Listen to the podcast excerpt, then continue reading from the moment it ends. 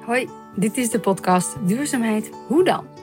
Hier leer je van experts hoe je succesvol innoveert zodat het sneller, beter, maar vooral ook leuker wordt. Mijn naam is Jetske Thielen. Als spreker, trainer en sociaal ingenieur help ik al meer dan 15 jaar ambitieuze professionals met het versnellen van duurzaamheid in hun organisatie en met hun samenwerkingspartners. Wat heb je nodig? Waar moet je rekening mee houden en hoe doe je dat? Dit keer gaat de podcast internationaal over de grens in gesprek met klimaatjournaliste, de Belgische Tine Hens. Maar ik ook mijn vraag neerleg. Word ik eigenlijk zelf wel boos genoeg?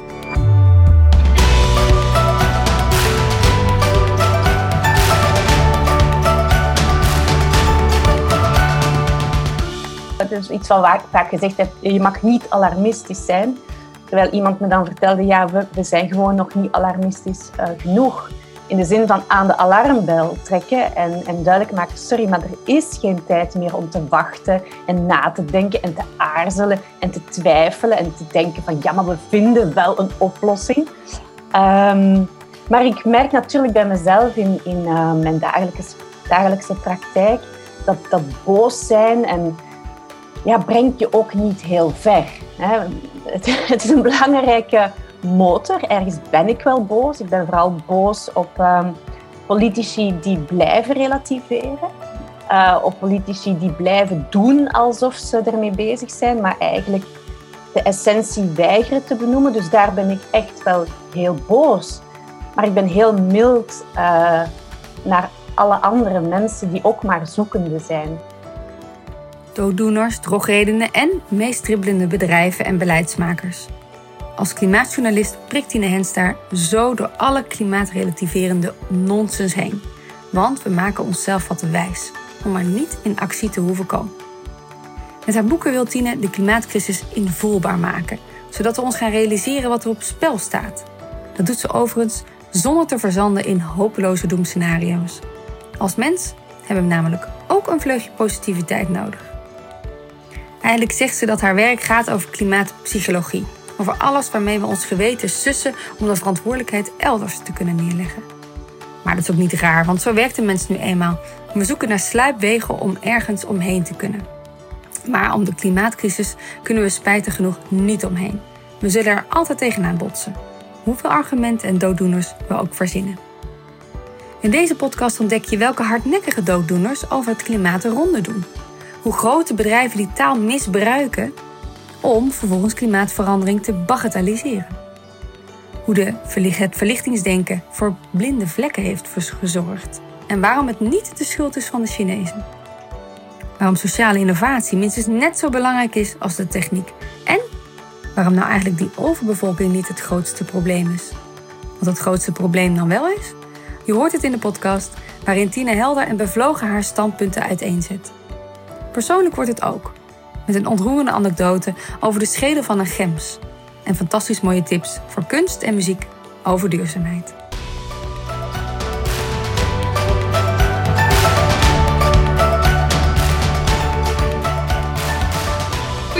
Tina, wat leuk dat je er bent. Fijn dat ik jou mag spreken. Um, ja, de podcast gaat internationaal mensen. Uh, we gaan dit keer uh, de grens over uh, naar België. Hartstikke leuk Tina dat je, dat je er bent. En um, ja, misschien voordat we helemaal de diepte induiken, ben ik natuurlijk wel even benieuwd vanuit de context als je het hebt over duurzaamheid. Ja, wat heb jij zo in huis of wat doe jij thuis als je het hebt over duurzaamheid? Om daar een beetje beeld bij te krijgen.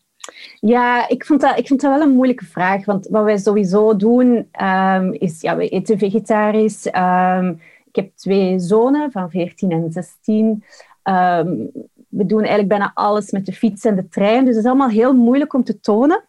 Maar ik heb eigenlijk iets, iets helemaal anders. Omdat, ja, als we het hebben over duurzaamheid... Ik denk dat bij ons de liefde voor uh, de natuur gewoon heel groot is.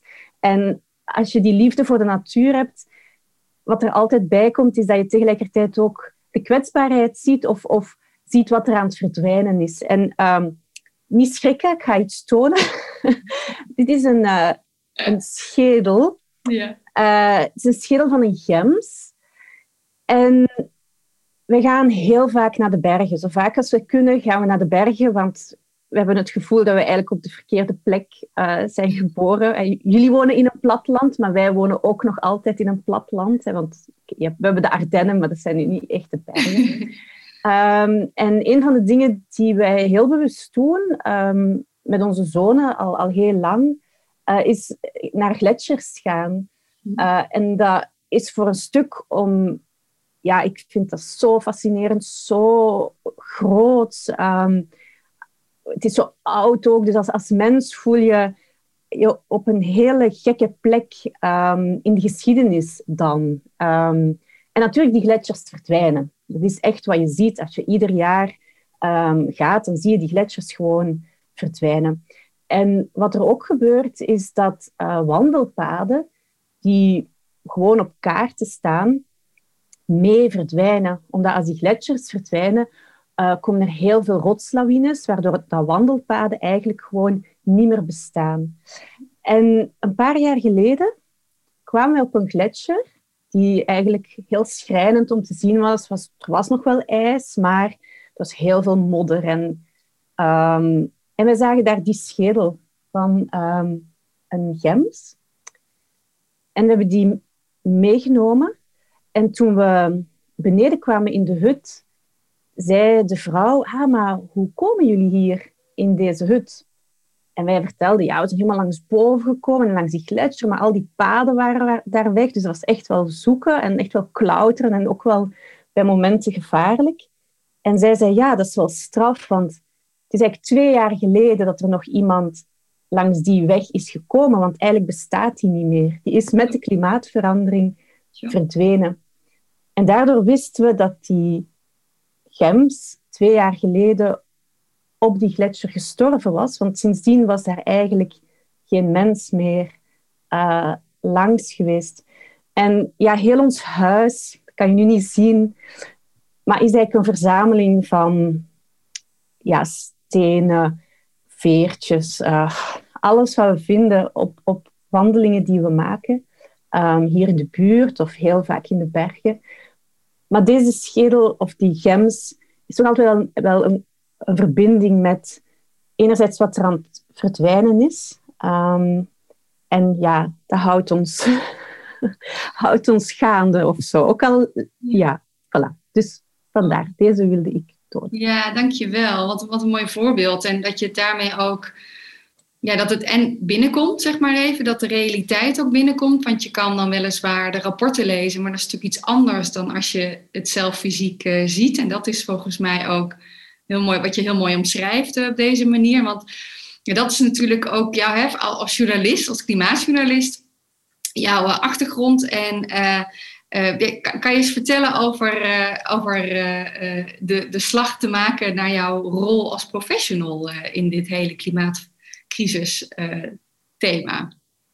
Uh, um, ja, wat ik eigenlijk probeer in, in de verhalen die ik schrijf, uh, is het wel zo dichtbij mogelijk uh, brengen. Want inderdaad, het is, het is heel makkelijk om over klimaat te vertellen met cijfers en taartdiagrammen en statistieken. En dat is ook heel vaak de manier waarop het gebeurt. Maar mensen denken niet in cijfers en taartdiagrammen en in, in statistieken. Dus op die manier creëer je al een, grote afstand.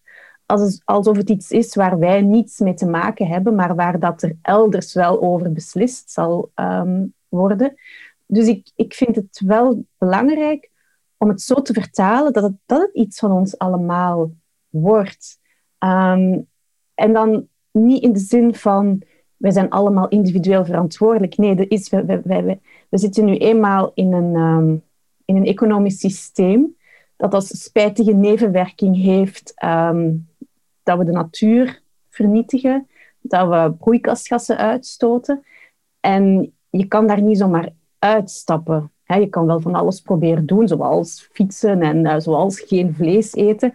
Maar natuurlijk is dat niet de grote verandering die er echt wel uh, moet, moet komen. Dus ik probeer in mijn verhalen ja, wel echt de realiteit te beschrijven en ook duidelijk te maken van kijk, dit, dit is een crisis en, en dit is iets waar we voor staan en waar we echt iets aan moeten doen als we onze kinderen een toekomst willen geven die, die leefbaar is.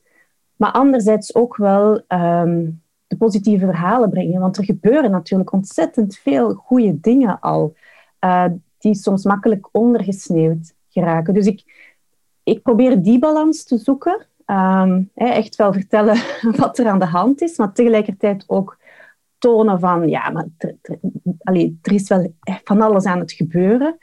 Ehm, omdat ik denk, ja, zo werken wij als mens ook. En ik heb dat ook zelf nodig. Hè. Als, ik, als ik te lang bezig ben met ehm, ja, de alarmerende cijfers, dan, dan heb ik ook wel nood om te zien van, ja, maar oké, er gebeuren toch ook wel al goede dingen. Dus voilà, dat is een beetje hoe ik het benader. Dat dilemma later nog in het gesprek nog eens een keer bij jou voorleg. Dat ik soms denk, of ik wel alarmistisch genoeg ben. Of ik wel boos genoeg ben, zeg maar, op dat uh, vlak. Dat ik uh, de opgaves weliswaar uh, met een lach tegemoet ga. Maar dat we soms niet eens wat bozer zouden moeten zijn. Dat vind ik zelf nog wel een... een ja, thema. ik vind dat ook een, een, een hele moeilijke. dat, dat is het laatste hoofdstuk van mijn boek. He, we, dus iets wat vaak gezegd heb, je mag niet alarmistisch zijn.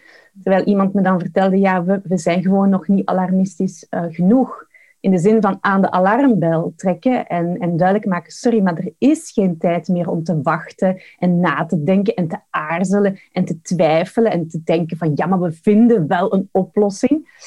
Ehm, maar ik merk natuurlijk bij mezelf in, in uh, mijn dagelijkse, dagelijkse praktijk dat, dat boos zijn en ja, brengt je ook niet heel ver. Hè. Het, is een belangrijke motor. Ergens ben ik wel boos. Ik ben vooral boos op um, politici die blijven relativeren.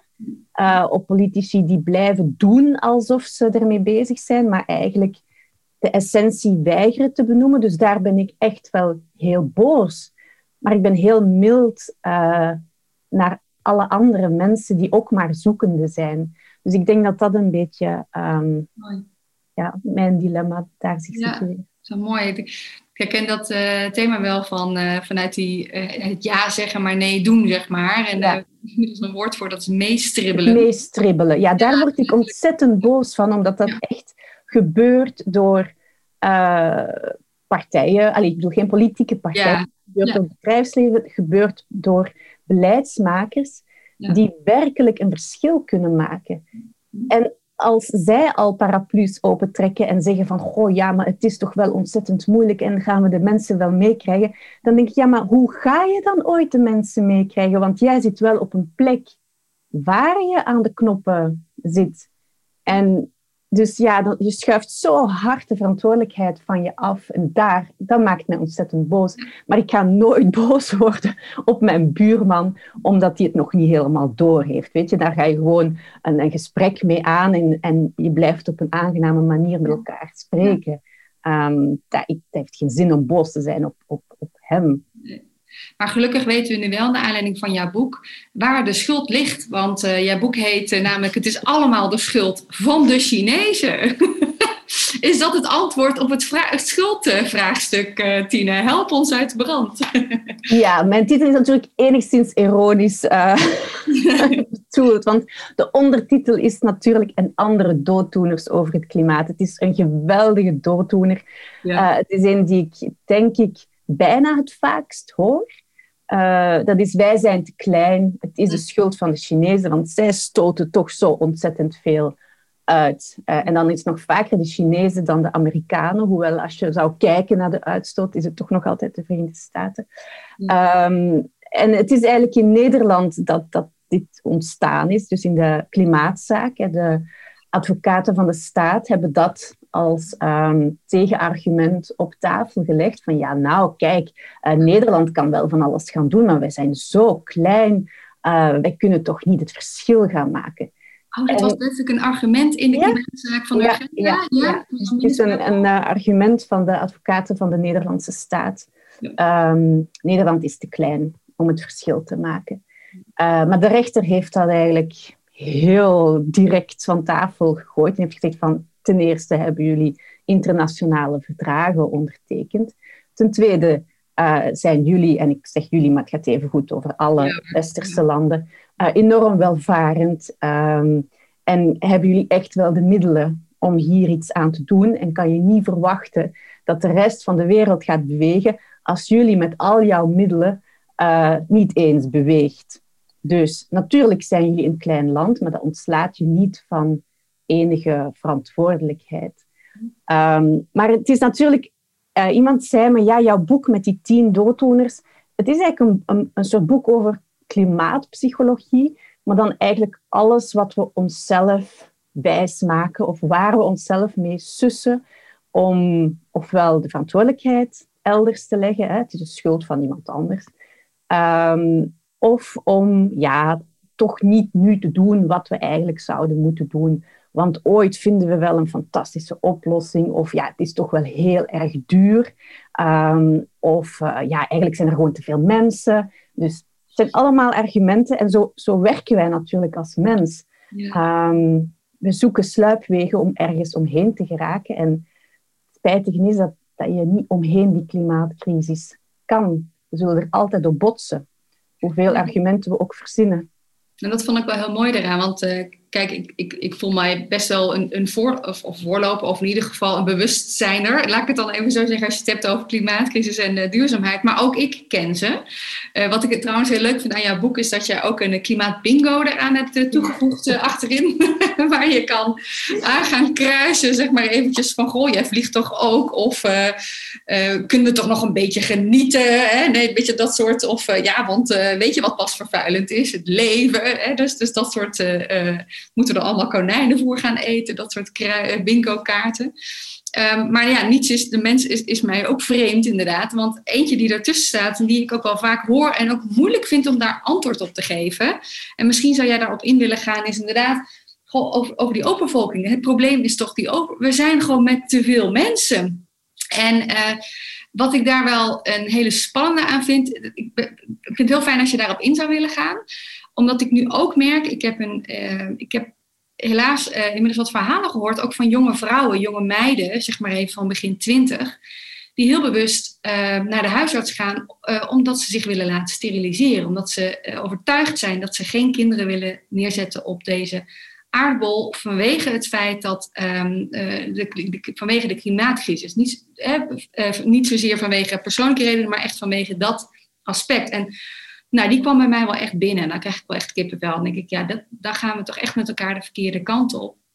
Als dat de reden zou moeten zijn. Um, kan je daar iets over vertellen? Over, is het inderdaad dat we gewoon met te veel mensen zijn op deze aardbol?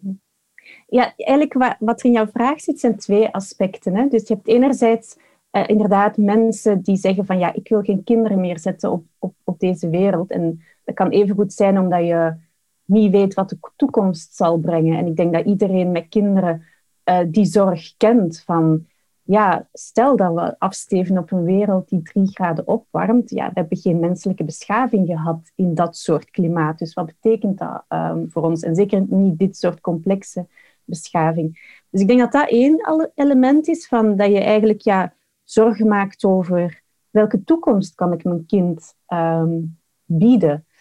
Um, en het andere argument is van, ja, we zijn met te veel mensen. En um, nu, het is misschien goed om te weten dat ik uh, met elk van die argumenten um, naar wetenschappers ben gestapt. Ik heb niet zomaar zelf hier aan mijn bureau allerlei zaken zitten verzinnen. Dus ik ben met dat uh, argument dat heel vaak terugkwam op lezingen, naar een demograaf uh, gestapt die demografisch onderzoek doet en hem dat voorgelegd van kijk, uh, zijn we niet gewoon met te veel mensen?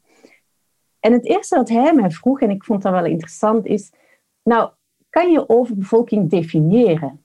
Wat is overbevolking? En dan kom je al heel snel op de definitie van ja, dat je met te veel mensen te veel grondstoffen gebruikt. Want dat is eigenlijk wat er gebeurt. Hè. Je, hebt, je hebt eh, te veel mensen en dus put je de aarde uit. En toen toonde hij mij een kaart en hij vroeg mij, kan je even aanduiden waar de grondstoffen worden uitgeput? En dan toon je, ja, dat is toch vooral uh, in het globale zuiden, omdat daar de mijnbouw zich situeert en daar worden alle grondstoffen ontgonnen, ook voor onze groene economie waar we van dromen. En dan vroeg hij mij, en waar worden die grondstoffen verbruikt vooral? Ja, en dan maak je wel een grote reis over die wereldkaart en dan kom je in het globale noorden. En toen vroeg hij mij, het was een soort uh, Socratisch uh, gesprek, uh, toen vroeg hij mij, ja, en waar situeert zich nu de grote bevolkingsgroei op deze aarde? En dan kom je in Nigeria vooral. En Nigeria is zo'n land waar je echt nog die grote bevolkingsgroei. En hij zei van, leg dit nu eens naast de tabel van onze CO2-uitstoot. En dan zie je een heel interessant verschil. Namelijk de plekken waar eigenlijk nog amper bevolkingsgroei is, uh, waar zelfs bevolkingskrimp is, onder andere in het Westen, uh, onder andere in een aantal Aziatische landen, Japan, uh, Korea. Um, daar is de CO2-uitstoot wel een pak groter dan in de landen waar er eigenlijk nog van bevolkingsgroei sprake is. En hij zei mij heel simpel: kijk, dit gaat niet over overbevolking, dit gaat over overconsumptie. 10% van de rijkste mensen op deze aarde, die zijn verantwoordelijk voor 50% van de CO2-uitstoot. En als we dan terugkeren naar Nigeria, dan de gemiddelde Nigeriaan op dit moment, die stoot evenveel uit, dus één inwoner van Nigeria, als de gemiddelde koelkast die wij in onze keuken hebben staan. En als je dan kijkt naar wat er allemaal in onze huizen staat en waar we niet gaan zeggen dat we dat niet mogen hebben, maar het, het schetst gewoon een beetje wat de verhouding is wereldwijd. Uh, ja, dan zie je dat wat wij gebruiken gewoon als, als persoon of als individu, als huishouden, als landen, is zoveel meer. Dus er zit een enorme ongelijkheid. En daarom is dit een beetje een pervers argument ook, omdat of we het nu willen of niet, en we hoeven daarom niet uh, onszelf, uh, weet ik veel, allemaal complexen aan te praten, maar de grote uitstoot vindt zich echt wel in rijke, geïndustrialiseerde landen. Um, dus dat is ook onze verantwoordelijkheid die we moeten nemen en onder ogen moeten durven zien. En natuurlijk is dat niet fijn, dat is geen leuke boodschap, maar het begint wel met het erkennen daarvan. En meestal is dan het volgende argument, ja, ja, ja, maar uh, die mensen in Nigeria, die willen natuurlijk... Uh, ik wil het bijna zeggen. Voilà. die willen natuurlijk dezelfde levensstandaard uh, als wij hier in het Westen. Hè? En, en ben jij dan degene die zegt dat dat niet mag? Mm. En dan kom je terug op die ongelijkheid. Natuurlijk, um, zolang wij van onszelf vinden dat uh, wij nog steeds meer grondstoffen moeten gebruiken, omdat onze economie moet blijven groeien, um, leggen wij een last op andere landen. En tweede, tweede ding daarbij is, fossiele brandstoffen, dat is waarop onze ontwikkeling zich, of ja, die industriële ontwikkeling zich gebaseerd heeft, is een energiebron. En dus om je economisch te ontwikkelen heb je energie nodig, maar dat hoeft niet noodzakelijk fossiele brandstof te zijn. En dat is net waar we mee bezig zijn, met heel die omslag. Dus dat is eigenlijk waar we wereldwijd, en dan bedoel ik echt globaal, uh, en daar moeten wij ook, ook, ook landen in ontwikkeling helpen. Dat is, je kan daarvan wegkijken en je kan daar een vervelende boodschap vinden. Um, maar het is gewoon wel zo. Zij hebben recht op nog heel veel groei, maar die hoeft niet noodzakelijk met fossiele brandstoffen gerealiseerd te worden. En dus is het aan ons om die technologie ook open te stellen, zodat ze beschikbaar worden. Afrika, kijk naar Afrika. Het is gewoon het continent van de zon. Um, wordt vaak gezegd, Afrika wordt gewoon het continent van de 21ste eeuw, want zij hebben alle middelen om in die duurzame energietransitie uh, voorop te lopen. En dan nog één klein aspectje is wat hij dan helemaal op het einde zei. Mijn demograaf, dan stop ik, uh, was van, ja, maar weet je eigenlijk globaal hoeveel kinderen de gemiddelde vrouw krijgt op dit moment? Ik had geen flauw idee. En hij zei ja, 2,1. Dus eigenlijk zitten we wereldwijd bijna aan dat vervangingsniveau. Hè? Want als iedere vrouw twee kinderen krijgt, dan, blijft, dan groeit jouw bevolking eigenlijk niet meer aan. En het is niet zozeer dat er te veel kinderen worden geboren. We leven gewoon heel veel langer. dus vroeger had je veel kindersterfte. Mensen stierven vroeger. Uh, ja, leefden minder lang bedoel ik. En na de Tweede Wereldoorlog heb je echt die ommekeer gehad. Namelijk, nog steeds werden er veel kinderen geboren. We leefden ook langer. En nu zitten we in de transitie van er worden minder kinderen geboren. We leven nog altijd heel erg lang. Dus als je beweert dat overbevolking het probleem is, dan zou je bijna moeten aanvaarden dat een soort globaal euthanasieprogramma um, de oplossing is. En ik weet niet of daar echt pleidooien voor gevoerd worden. Voelt niet goed, hè? Nee, nee, nee. En wat zou dan wel een oplossing zijn? Inderdaad, als je het hebt over, eh, zeg maar, het, het, het, vrouwen en kinderen krijgen. Uh... Ja, opvoeden. Ik bedoel, er is, dus eigenlijk weten we heel simpel wat er moet gebeuren als je, als je vrouwen wilt, dat vrouwen kunnen deelnemen aan de samenleving en dat vrouwen zich kunnen ontwikkelen. Dat is gewoon onderwijs voor meisjes. En zorgen dat, ze, dat iedereen aan familieplanning kan doen, maar zonder dat dat opgelegd wordt natuurlijk. Ehm, en, en dat is eigenlijk het, het, het, de essentie van als je, als je aan je bevolkingsgroei wil werken, dan moet je ervoor zorgen dat vrouwen kansen krijgen. En als vrouwen kansen krijgen, dan wordt je samenleving beter. Ja. En ik denk dat dat in wezen de kern is van ieder klimaatbeleid. Eigenlijk gaat klimaatbeleid er echt wel over hoe maken we het voor iedereen, maar echt voor iedereen, beter. Zonder dat we daarvoor de natuur of deze planeet ehm, moeten vernietigen of uitputten. Ja. Hoe doen we dat? En dat is eigenlijk een fantastisch interessante vraag. Ja, ja. ik zit al te denken dat het zelfs uh, blijkt ook een van de, de, de, meeste rendementen op te leveren. Door te investeren in, in, in uh, vrouwen en meisjes, in, om juist ervoor te zorgen dat die uh, meer onderwijs kunnen genieten en daardoor ook uh, betere familie. ja, want wat, wat um, bijvoorbeeld mijn demograaf ook zei, um, was dat ja, demografie is een heel traag proces dus als je gaat beweren van ja, we moeten, op die, we moeten gewoon naar minder mensen en dan, dan pakken we zo de klimaatcrisis aan. Hij zei ja, dat is zo'n beetje alsof dat je um, moet, moet remmen op jouw fiets. En in plaats van je remmen te gebruiken, ga je afstappen om je bandenspanning bij te werken. En, dan, en zo ga je proberen remmen. Uh, terwijl we eigenlijk weten wat we kunnen doen aan die klimaatcrisis. Zeker als het over energie gaat, zeker als het over uh, voedsel gaat, zeker ook als het over productie gaat. En we moeten naar die circulaire economie, maar dan een echt circulaire economie.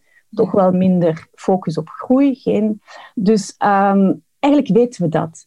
En beweren dat je via bevolkingsgroei die klimaatcrisis gaat aanpakken, is eigenlijk een totaal onzinnige en heel trage omweg. Omdat demografie is een zeer traag proces. En nu zitten we eigenlijk in de afvlakking van een scherpe bevolkingsstijging die we gehad hebben maar die eigenlijk zich niet meer verder doorzet. Ja.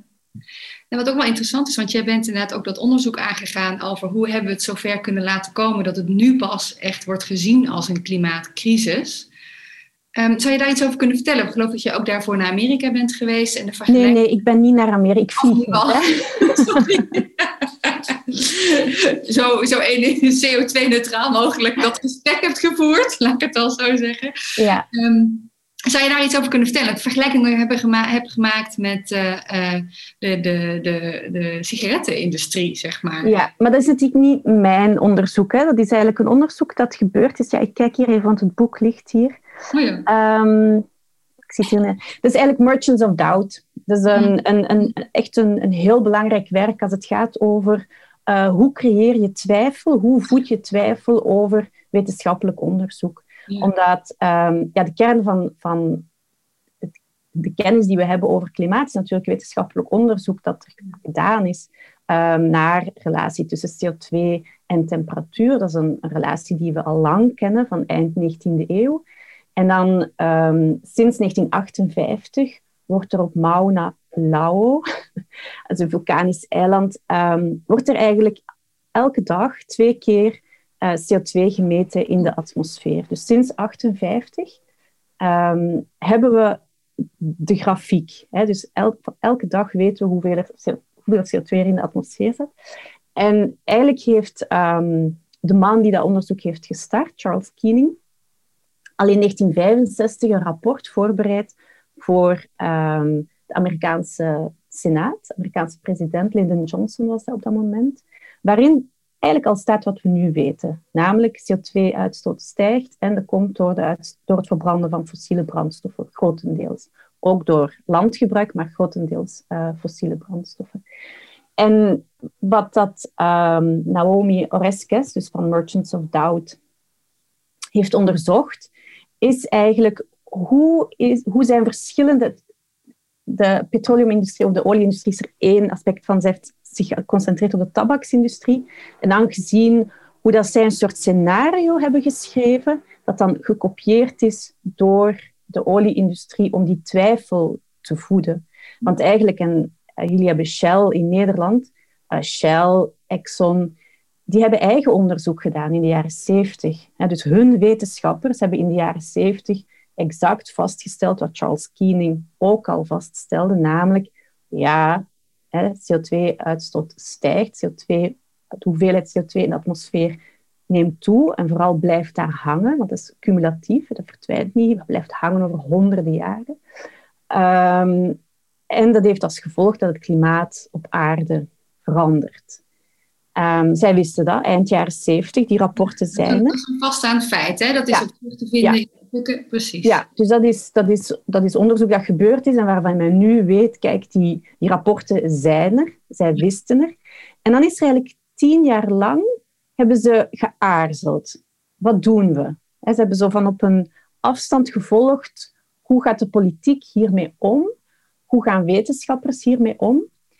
En in 1989 zijn er twee zaken gebeurd. Um, dan is um, Hansen, een belangrijke klimaatwetenschapper in de Verenigde Staten, heeft toen eigenlijk gezegd in de Amerikaanse Senaat, uh, klimaatcrisis is, is real and happening. dus het is, is echt en het is ook al aan het gebeuren. En er is een grote conferentie georganiseerd in Nederland, um, was dat, waarin men van plan was om een globaal globale afspraken te komen tot vermindering van uitstoot, enzovoort, enzovoort. En het is ook het jaar, of het jaar daarna is um, Bush verkozen als uh, republikeinse president, senior, ja. En wat men misschien vergeten is dat hij eigenlijk op een programma rond um, milieumaatregelen ook is verkozen. Dus uh, aanpak van het broeikaseffect, zoals het toen heette, was een van zijn belangrijke programmapunten.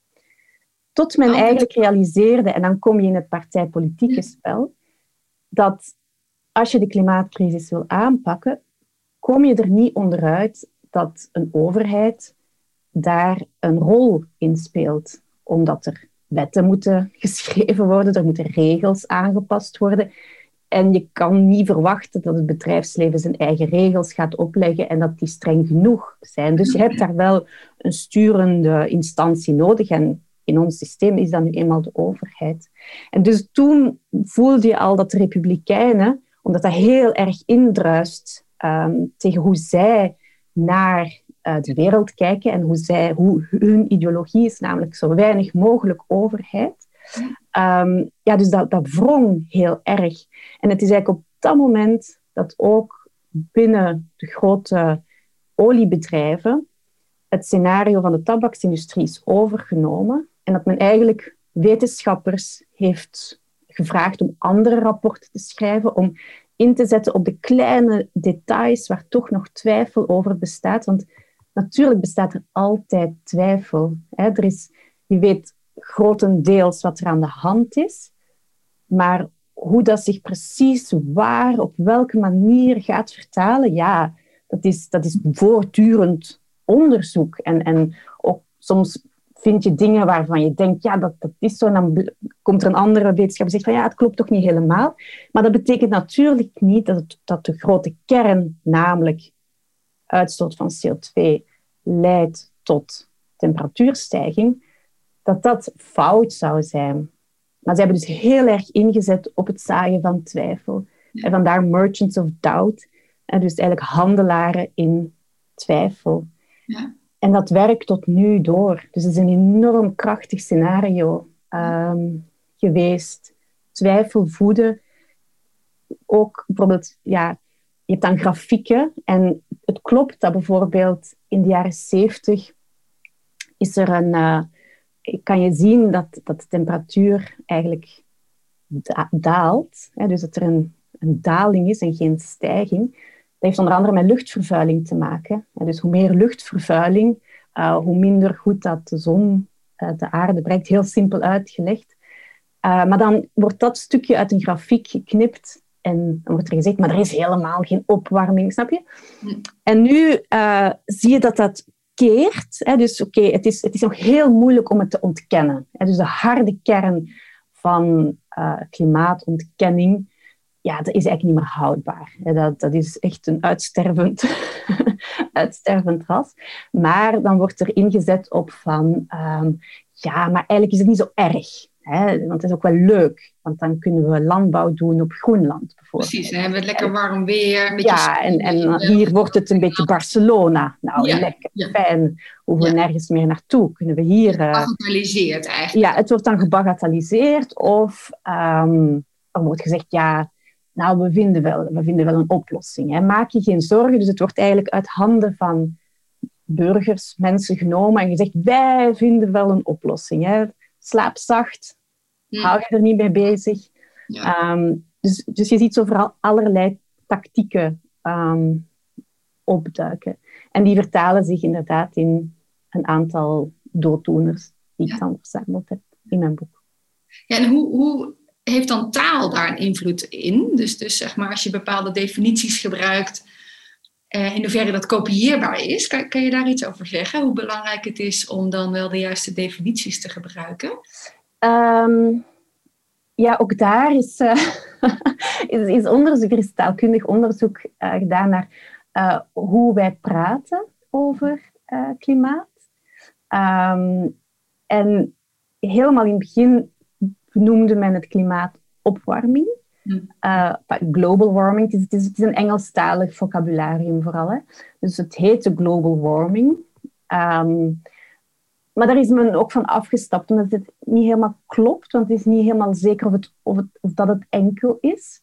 Um, maar een heel interessante switch die gebeurd is, is dus de periode waarover ik het daarnet had, dus die jaren 80, um, dan, nou, dan noemde men het, het broeikaseffect want het is eigenlijk zoals een, een serre werkt. Hè. Uh, het is een broeikaseffect.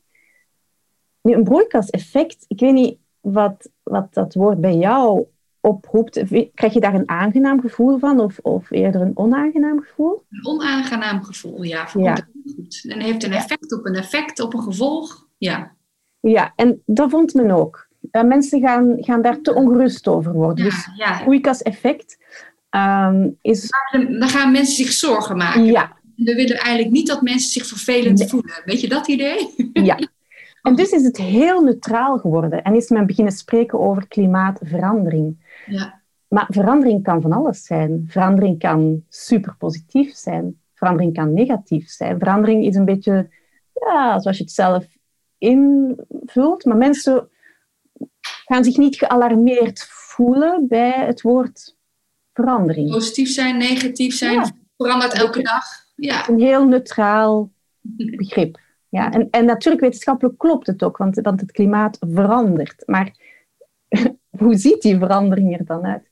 En dus is er, ja, de laatste jaren wordt er veel bewuster gekozen um, om het crisis te noemen. Omdat het, het is een crisis. Ik bedoel, daar moeten we ook wel eerlijk in zijn. Het is een crisis waar we voor staan.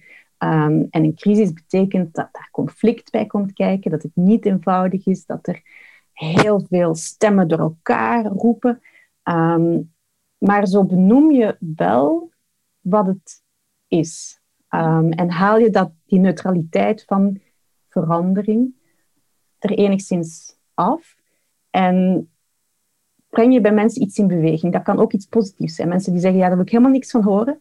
Of mensen die zeggen, van, we moeten iets doen. Dus... Ik merk het bij mezelf al, dat ik het eigenlijk nu pas de afgelopen jaar pas echt vaker zeg. Dat ik het daarvoor ook had over klimaatverandering. Ja, ik ook. Ja, ja, precies. En waar is die switch gekomen? Heeft dat dan ook met het, met het prijs, met het klimaatakkoord te maken? Was het toen nog te vroeg? Nee.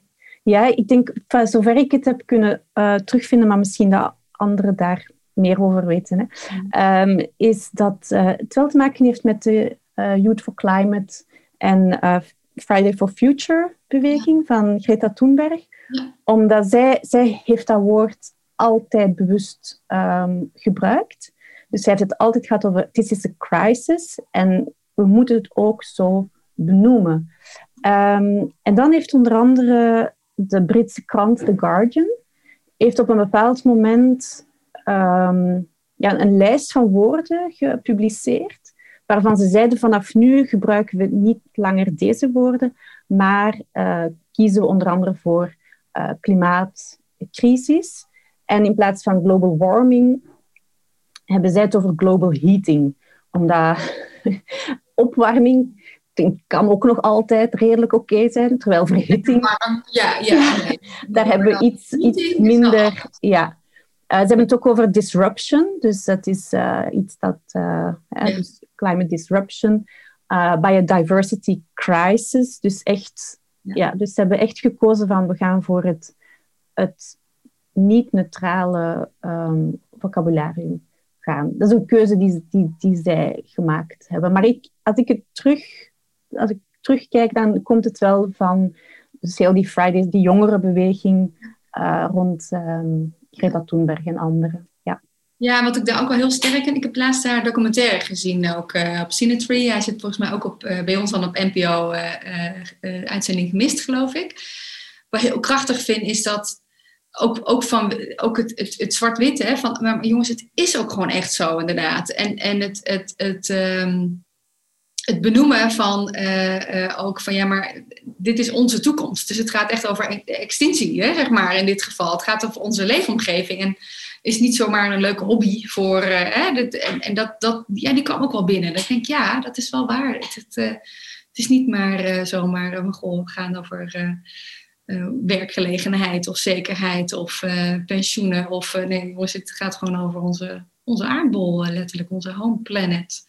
En uh, dat vond ik wel heel, heel sterk aan. Dus het is nog een aanrader om dat nog eens voor degene die luistert nog eens terug te kijken, inderdaad. Ja, ja en Tine, en de vraag is natuurlijk van, goh, als hè, um, veel luisteraars die zijn al heel erg bezig met, met duurzaamheid, die zijn zelf al met mooie initiatieven bezig, zijn zich ook wel bewust, uh, maar zijn natuurlijk ook continu in gesprek met collega's of met klanten of met mensen om hen heen. En wat zijn nog meer van die dooddoeners die ze vaak horen waar, waar jij van zegt, oh, dat is toch goed om dat nog even te benoemen, wat een dooddoener is die, ja, hoe je daarop zou kunnen reageren. Is er nog eentje die je zou kunnen uitpikken, die je vaak hoort? Uh, wacht, ik ga eens even kijken welke, ja, die ik vaak hoor. Dus we, zijn al te, we zijn te klein, hebben we al gehad. Oh ja, ja we zijn te klein. Uh, ja, ik denk dat er toch een aantal zijn. Zoals, horen jullie dat vaak? We gaan toch niet terug naar de middeleeuwen? Ja, ja, ja, ja, ja precies. Ja, ja, we gaan toch niet terug naar de middeleeuwen. Um, het is te duur. Is te duur, Wie gaat dat betalen? Dat is een heel belangrijke. Ja. Um, en ja, natuurlijk, ja, de technologie zal ons redden. Ja, ja, die spreekt mij natuurlijk al aan als ingenieur natuurlijk. En in die technische sector. Ik had laatst iemand die zei... Uh, goh, als we nou eens een techniek konden verzinnen... dat we dan al die CO2 uit de lucht zou kunnen zuigen. En toen zei hij, oh, oh, we hebben natuurlijk bomen. dus die realiseerde zich pas later, oh, we hebben die technologieën al. Het is gewoon een natuur. En, en zijn we dat met elkaar verleerd, Tine? Wat is daarmee aan de hand? ja, goh, het is natuurlijk als je... Um, ik ben historica, hè. Um, dus eh, deze, de klimaatcrisis, maar evengoed biodiversiteitscrisis, hè, verlies van natuur. Want uiteindelijk zijn er verschillende crisissen tegelijk aan de gang en klimaat is er daar één van. Hè. Um, het is een beetje een identiteitscrisis ook van onze westerse mens. Omdat wij sinds de verlichting hebben wij onszelf boven de schepping, hè, zoals het toen heette, geplaatst. Die, die natuur werd een, een werktuig. Wij, mochten, wij konden die gebruiken, we konden die beheersen. Die had geen ziel, die had geen intelligentie. Wij waren, de mens hè, is het intelligente wezen en die heeft heel die aardbol hier uh, tot zijn beschikking. Hè. Dat is eigenlijk het, het verlichtingsdenken. dat ons heel veel gebracht heeft, maar ergens ook wel heel veel blinde vlekken heeft. En de blinde vlekken, daar botsen wij al een tijd op en, en steeds intenser. Ehm, en dus is het, is het, het is een vorm van identiteitscrisis. En wij hebben natuurlijk, het is een, een, heel, een denken dat we heel sterk hebben. Namelijk, we hebben, als er een probleem is, dan gaan we dat technologisch oplossen. En dat, dat is daarom geen foute gedachte, dat is een hele goede gedachte. We, daar al, we zijn nu eenmaal, de mens is een, een, wezen dat technologische dingen ontwikkelt om het leven beter te maken. Zo zien we het toch. Maar dan is die andere blinde vlek is dat, dat vaak ehm, technologische ontwikkelingen met een, met een kost komen of toch met een aantal neveneffecten die we niet ingecalculeerd hebben. En dan is de volgende reactie van, oh, maar dan moeten we een technologische ontwikkeling vinden die we dan zorgen dat die neveneffecten verdwijnen. En het betekent niet dat om die klimaatcrisis op te lossen of daarmee aan de slag te gaan, dat we dat niet meer technologisch mogen denken. Natuurlijk, hè, zonnepanelen is technologie, windmolens, technologie, uh, fietsen, technologie. Het is allemaal technologie. Um, dus het gaat ook over van, we hebben dat nodig, maar het zal niet alleen daarvan komen. Uh, het is een die politiek heel moeilijk benoemd wordt, maar die al in dit gesprek al een paar keer gesluimerd heeft. Wij gebruiken zoveel grondstoffen om het leven dat we leiden aan de gang te houden. Ehm, we gaan daar echt anders mee moeten omgaan. En betekent dat dan, en dat is dan de volgende dooddoener, dat wij terug moeten naar de middeleeuwen? En uh, nee, natuurlijk niet. Maar het is wel een goede oefening om na te denken, wat hebben wij nodig om een fijn leven te leiden, waarvan we weten, ik laat die aarde hier minstens zo goed achter als dat ik hem gevonden heb toen ik hier op aarde kwam. Dus als je klimaatcrisis enkel technologisch gaat benaderen, is het risico heel groot dat er gigantische neveneffecten gaan optreden waarvan, we, waarvan we nu nog geen idee hebben. En het stappenplan is redelijk duidelijk. Ehm, eerst moet die uitstoot naar omlaag. Dat is echt de allereerste. Die uitstoot moet naar omlaag. En dat kan niet zonder ook ehm, ons gedrag aan te passen op een andere manier ons te verplaatsen, op een andere manier ons te voeden, op een andere manier uh, de dingen te maken die we nodig hebben. Um, en dat kan, een, dat kan een even goede manier zijn. Het gaat gewoon anders zijn. meer fietsen, meer uh, auto's delen. In plaats van dat we allemaal onze eigen elektrische auto hebben, waar gigantisch veel grondstoffen voor nodig zijn, kunnen we die even goed delen. Openbaar vervoer, prima middel. Bovendien is ook sociaal um, verantwoord. Ja, dat is ook en, van, goh, als je het hebt over uh, investeren in, in de nieuwe economie, zeg maar eventjes, hè, ga je dan inderdaad volledig op die ontwikkeling van de elektrische auto zitten? Of op de ontwikkeling van openbaar vervoer, waardoor je ook inclusief blijft uh, voor... Ja, en dus ik denk voor mij, als, als iemand mij vraagt wat is een goed klimaatbeleid, dan denk ik wel, er zijn twee sporen. Ten eerste is het een klimaatbeleid dat ervoor zorgt dat onze omgeving er beter van wordt. Dus dat niet de natuur nog meer gaat vernietigen dan we nu al doen. Dat is de eerste voorwaarde. Dus dat je die biodiversiteitscrisis en die klimaatcrisis aan elkaar linkt. Want anders kom je tot hele vreemde zaken waarbij dat je uh, pakweg een bos gaat kappen om er zonnepanelen te gaan leggen of weet ik veel wat, terwijl we nog zoveel daken hebben waarop we zonnepanelen kunnen leggen. Ehm, en uh, iedereen moet er beter van worden. En de mensen die nu kwetsbaar zijn, die het nu moeilijk hebben, zijn eigenlijk diegenen die het minst verantwoordelijk zijn voor de hele crisis waar we in zitten. Er is een stukje in mijn boek ook waar ik met mensen in armoede praat over klimaat en, en, en hoe zij zich daarbij voelen. En zij zeggen van ja, wij wilden sowieso onze ecologische voetafdruk uh, berekenen. Maar dat, maar dat kon niet, want iedere vraag... We hebben geen huis. Uh, wij, wij, eten soms geen drie keer op een dag. We gaan nooit op reis. Dus zij, hun ecologische voetafdruk is, is, is verder licht. Maar zij dragen wel de grootste gevolgen nu al. Um, zowel hier als in het zuiden. Dus een goed klimaatbeleid zorgt ervoor dat iedereen er beter van wordt. Dus het is sociaal rechtvaardig en het is ook rechtvaardig ten opzichte van het andere leven hier uh, op deze planeet.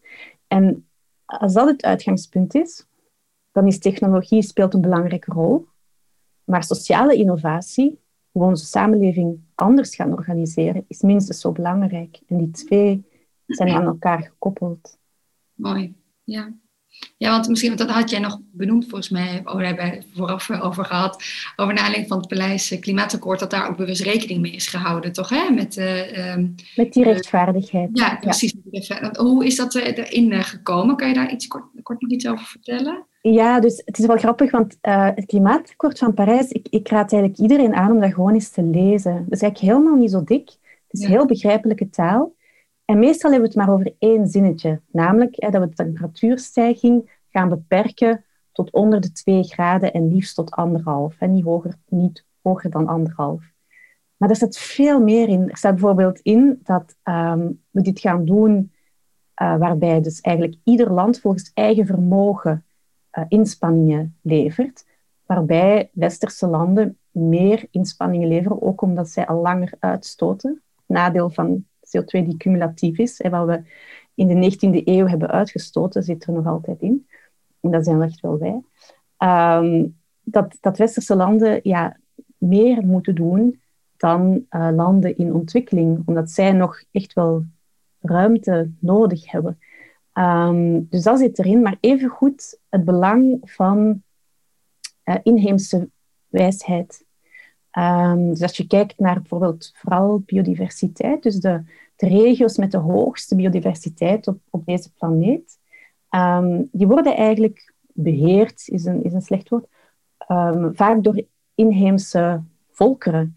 En dus dat is eigenlijk wel een heel mooi aspect uh, van het klimaatakkoord, dat ze zeggen van kijk, je hebt westerse wetenschappelijke kennis, maar die kan verrijkt worden met eigenlijk echt inheemse wijsheid. Uh, en dat zit er ook in, het belang daarvan, van die praktijken. Uh, maar evengoed het belang van andere sociale praktijken. Het zit er eigenlijk allemaal in. Dus het, is niet zo dat in het klimaatakkoord van Parijs staat, uh, met technologie gaan we alles oplossen.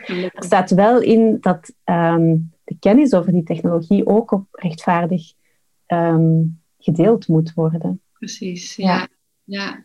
En dat is andersom is wel mooi om te zien, ook sowieso in het ik noem maar even het wereldje van, van, van de duurzame uh, ontwikkelingen, dat er is geen concurrentie. Dus dat merk ik ook bijvoorbeeld in de gesprekken ook voor deze podcast. We hebben allemaal een belang bij uh, dit thema. Dus dat, zeg maar, het, wordt heel erg, het is heel erg open source. En dat vind ik wel heel erg leuk om dat te merken bij, uh, nou, bij collega's die hier bijvoorbeeld ook mee bezig zijn. Of dat dan in de grote organisaties of als zelfstandige of als ondernemer desnoods. Maar dat daar nog heel erg juist, niet vanuit concurrentie denken, maar dat dat echt heel erg... Ja, van het samenwerking. En... Ja, want ik denk dat dat ook iets is, als we het dan hebben over die andere sociale praktijken of zo.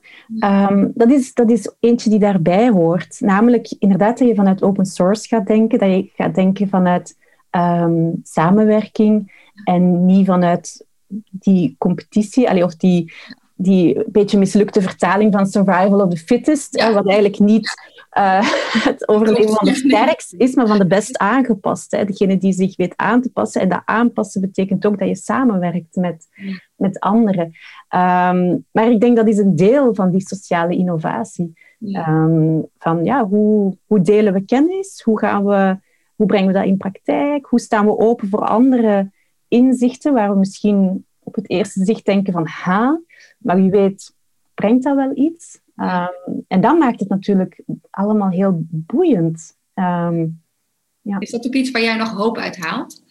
Ik denk dat dat is waar ik vooral um, hoop, hoop uit haal. Dus ik, ik, zie natuurlijk heel erg de weerstand. Ik, ik, ik krijg daar ook heel erg mee te maken.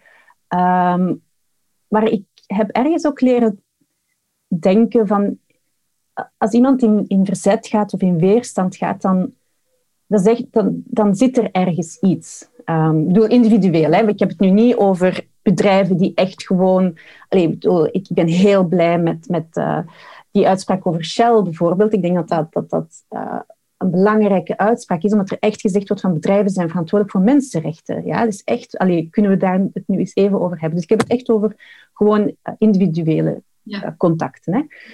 Ehm, en dan denk ik, ja, iemand gaat in weerstand, er is een reden voor. Hè. Het is, een mens is niet van nature zomaar altijd tegen alles. Dus, dus het is ook heel belangrijk om, om naar die onzekerheid te gaan van, van ieder op zich. Ehm, en ja, ik weet niet wat ik nu precies wil zeggen, maar ehm, het gaat niet over die is goed of die is slecht. Het gaat erover, ja, we moeten hier met z'n allen aan. En, en sommige mensen zijn daar gewoon al langer mee bezig. En ik vind het iets eenvoudiger om te zeggen van, uh, ja, kijk, ik, ik hoef dit niet of ik hoef dat niet. En voor, voor anderen is dat echt moeilijk. En dan ja, kan je daar wel mee praten of daarmee proberen omgaan.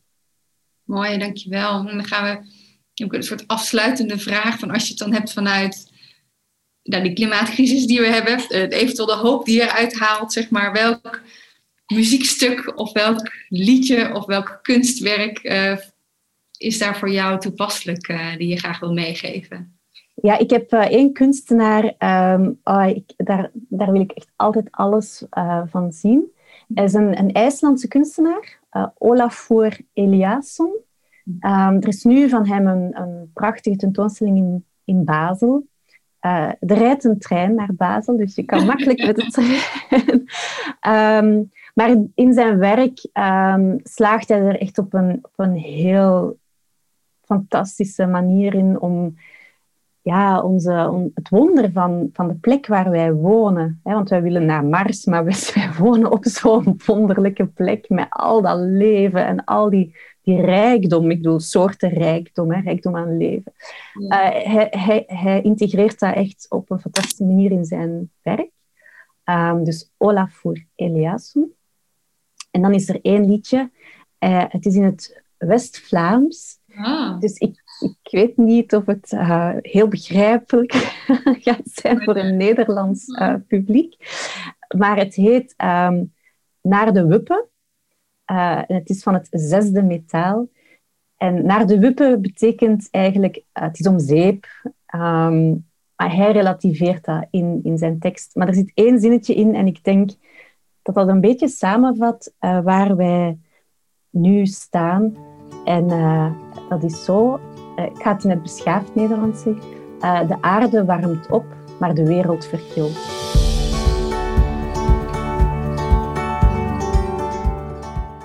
Je luisterde naar de podcast Duurzaamheid Hoe dan? Wil je meer weten over dooddoeners, zoals de Chinezen de schuld geven van klimaatverandering? Benieuwd naar haar boek? Kijk dan vooral naar de show notes en inspiratie op www.jetsketiele.nl/slash podcast. Abonneer je vooral op deze podcast, zodat het ook makkelijker wordt voor andere mensen om deze te vinden en de inspiratie te kunnen meekrijgen. Stuur het door, dat is natuurlijk ook altijd leuk. Hoe heb je het gesprek ervaren? Wat viel je op of herkende je iets? Stuur je me een bericht, dat vind ik hartstikke leuk. Bijvoorbeeld via Instagram of LinkedIn of via de mail. Mocht je vragen hebben of ergens anders mee stoeien, hoor ik het ook graag. Voor nu bedankt voor het luisteren en veel ontdekplezier in jouw reis richting duurzaamheid. Graag tot de volgende!